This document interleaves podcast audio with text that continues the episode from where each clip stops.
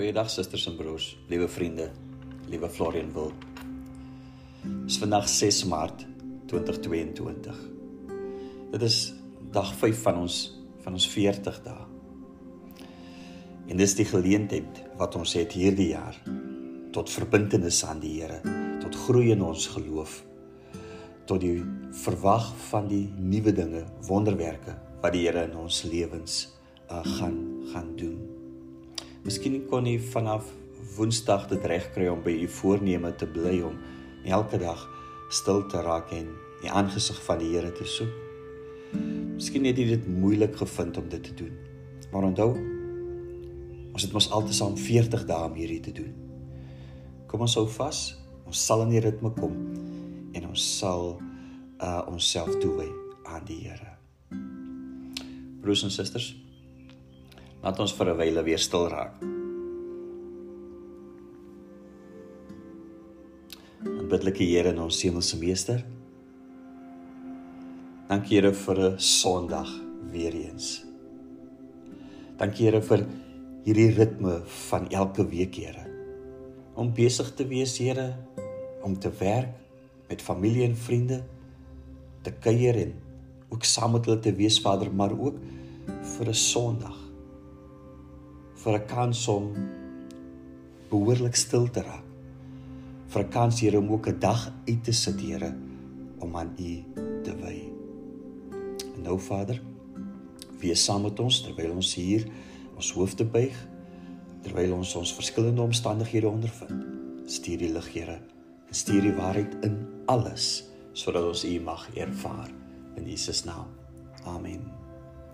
Broers en susters, genade en vrede vir elkeen van julle. Ons teksgedeelte is 1 Samuel 16 vers 1 tot 13. Dis die salwing van Dawid as koning. Die woord van die Here lees. Die Here het vir Samuel gesê: "Hoe lank gaan jy nog treur oor Saul? Dit is ek wat hom verwerp het as koning oor Israel. Vul jou horing met olie en vertrek. Ek stuur jou na Isai van Bethlehem, want tussen sy seuns het ek vir my 'n koning gesien." Maar Samuel het het gesê: "Hoe kan ek gaan? As Saul daarvan hoor, sal hy my doodmaak." Toe sê die Here: 'n vers kalf moet jy saam met jou neem. En dan moet jy sê om aan die Here 'n offer te bring. Dit is waarvoor ek gekom het. Nooi dan vir Isai na die offer en ek sal jou meedeel wat jy moet doen. Jy moet vir my die een salf wat ek vir jou sal sê. Samuel het gedoen wat die Here gesê het.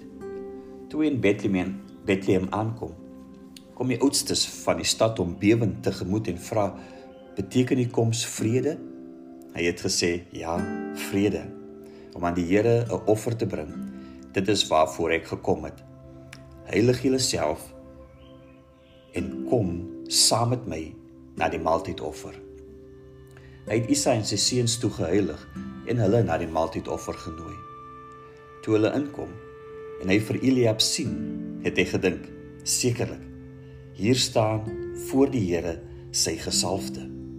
Maar die Here het vir Samuel gesê: Moenie na sy voorkoms en sy reisige gestalte kyk nie, want ek het hom afgekeur. Dit gaan immers nie oor wat die mens sien nie, want die mens kyk na wat hy sien, maar die Here kyk na die hart.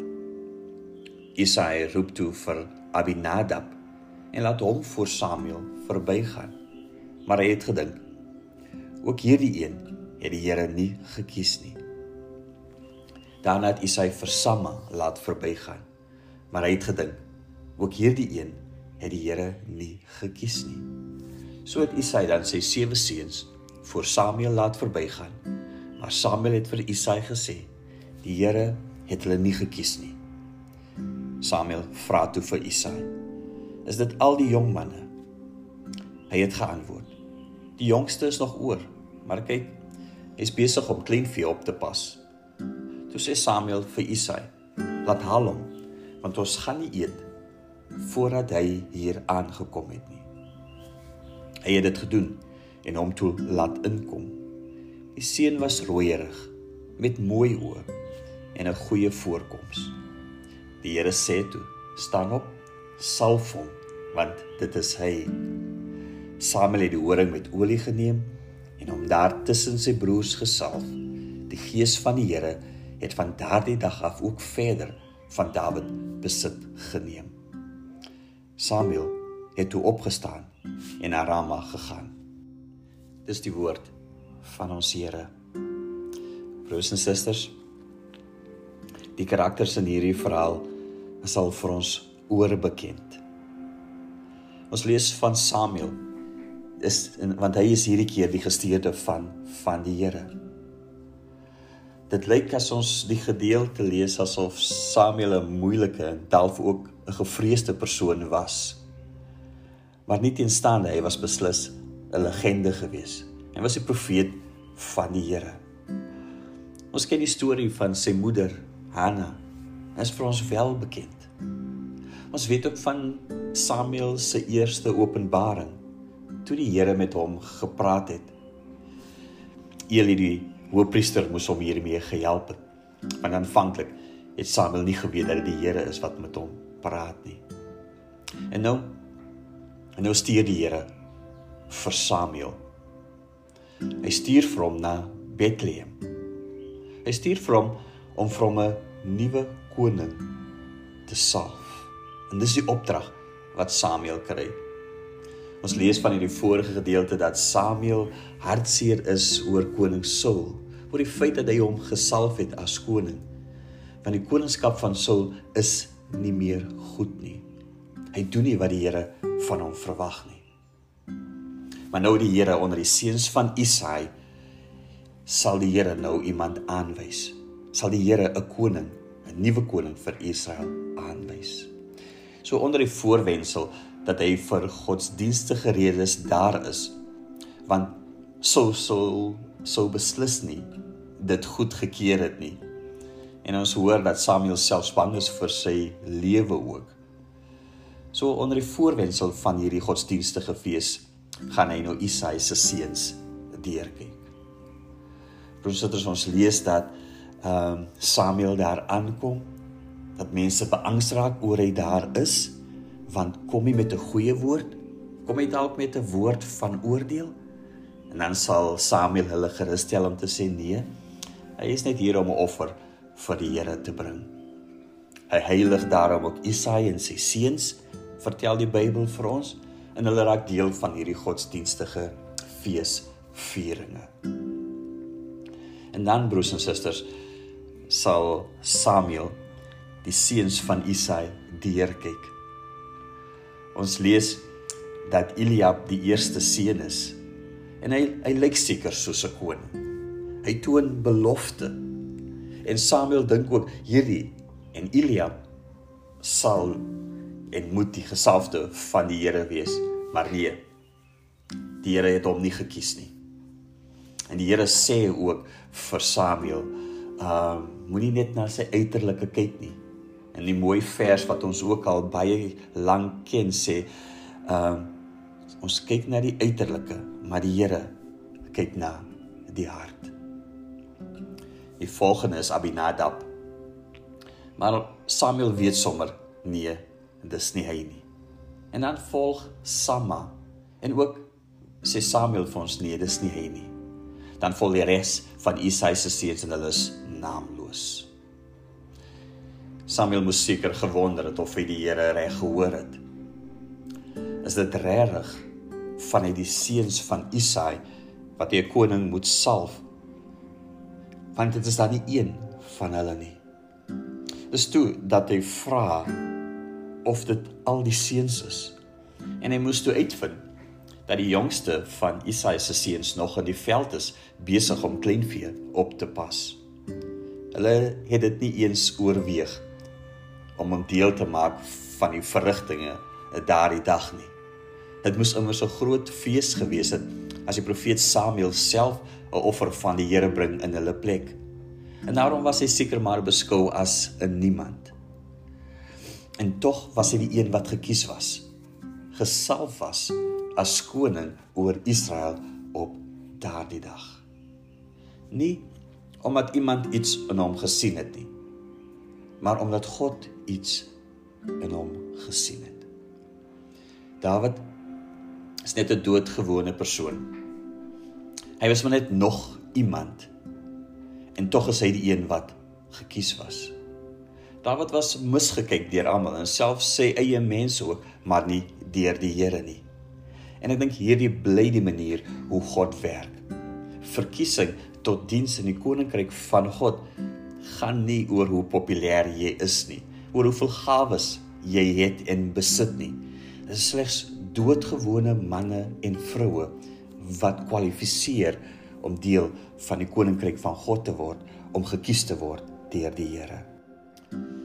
Ek en die broers en susters is 'n Dawid bloot uit genade gekies om deel van die koninkrykswerk te doen vir die Here. Omdat God iets goeds in ons gesien het. En die wonder van God is is dat hy vir ons as doodgewone mense kies en dan en dan move die Here met ons. Die bekende woorde van Dawid from shepherd to king, dit bly waar van wat die Here doen met sy kinders. Sommige kere wonder jy vir jouself en vra jy vir jouself, hoe het ek hier gekom? Of dalk ander mense vra, nou wie is jy en hoe het jy hier gekom? En dan bly die wonder dat God 'n weg maak vir sy kinders en dat niks vir die Here onmoontlik is nie. Absoluut niks nie. Onthou jy die woorde van Dawid in Psalm 18? Hy maak my pad voorspoedig Hy maak my voete soos die van 'n ribbok. Op hoë plekke laat hy my stewig staan. En broers, dit is so begin Dawid se verhaal. En so is dit ook ons verhaal. 'n Verhaal van uitverkiesing omdat God iets goed siens in ons. 'n Verhaal van God wat vir ons raak sien. Kiesing roeping deur die Here is nie eksklusief nie. Dis nie net sekere mense wat die Here wil gebruik nie.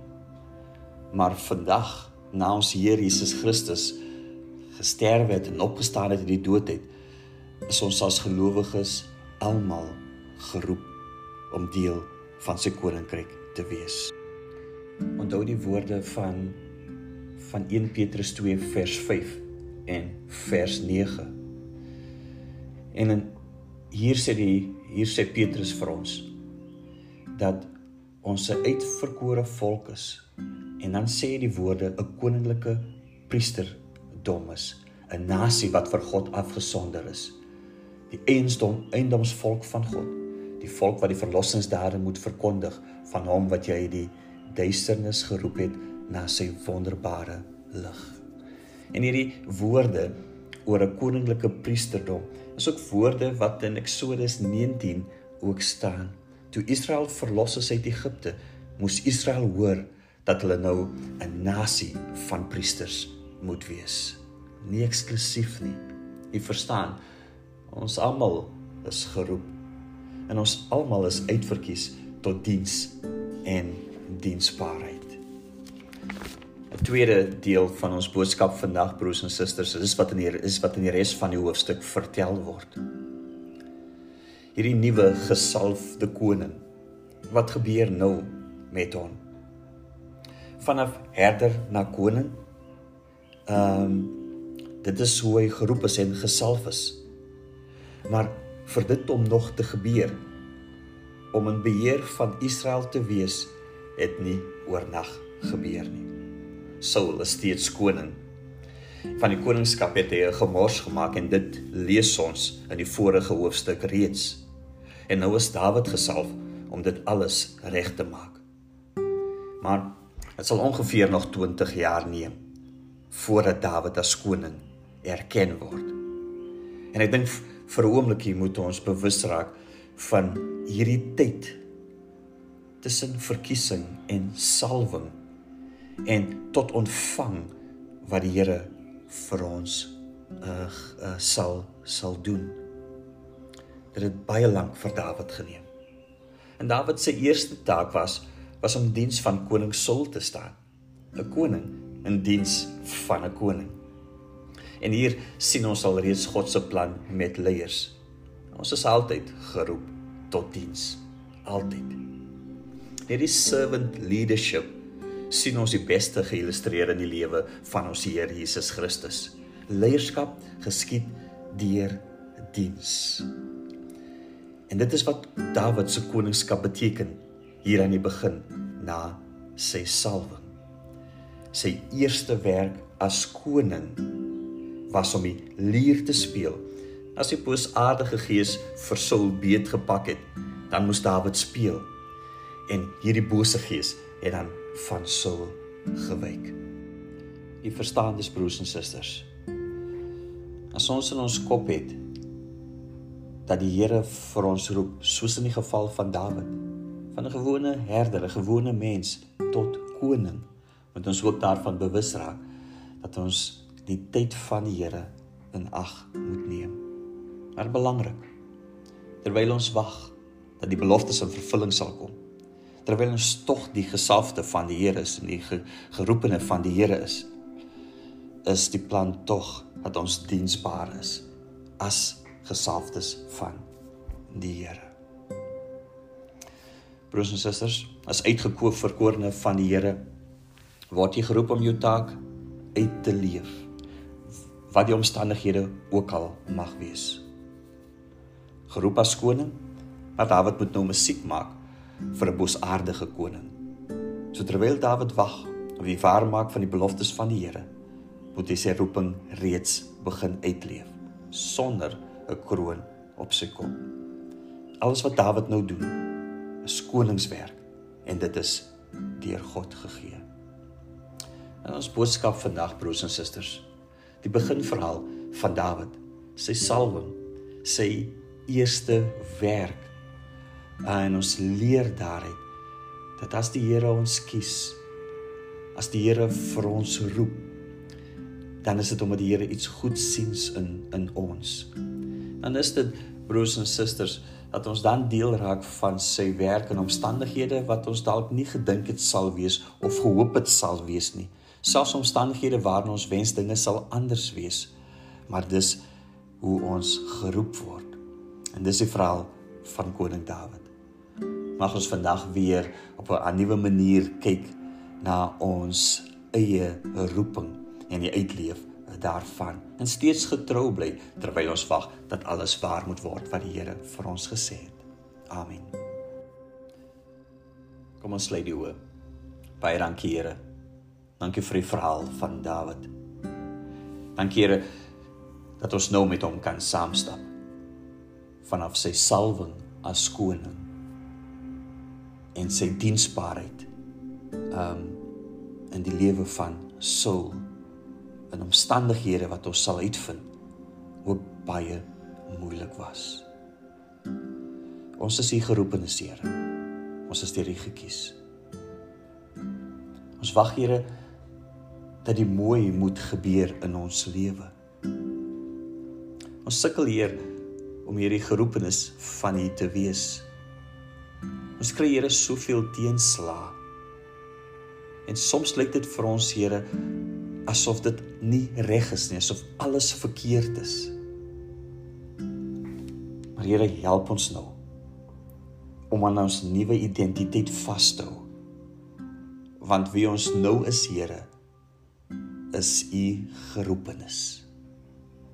En dit, Here, is wie ons is. Gee Vader dat ons dit nooit sal vergeet nie. Dat ons dit nooit sal betwyfel nie en altyd sal leef Here vanuit hierdie hoek uit.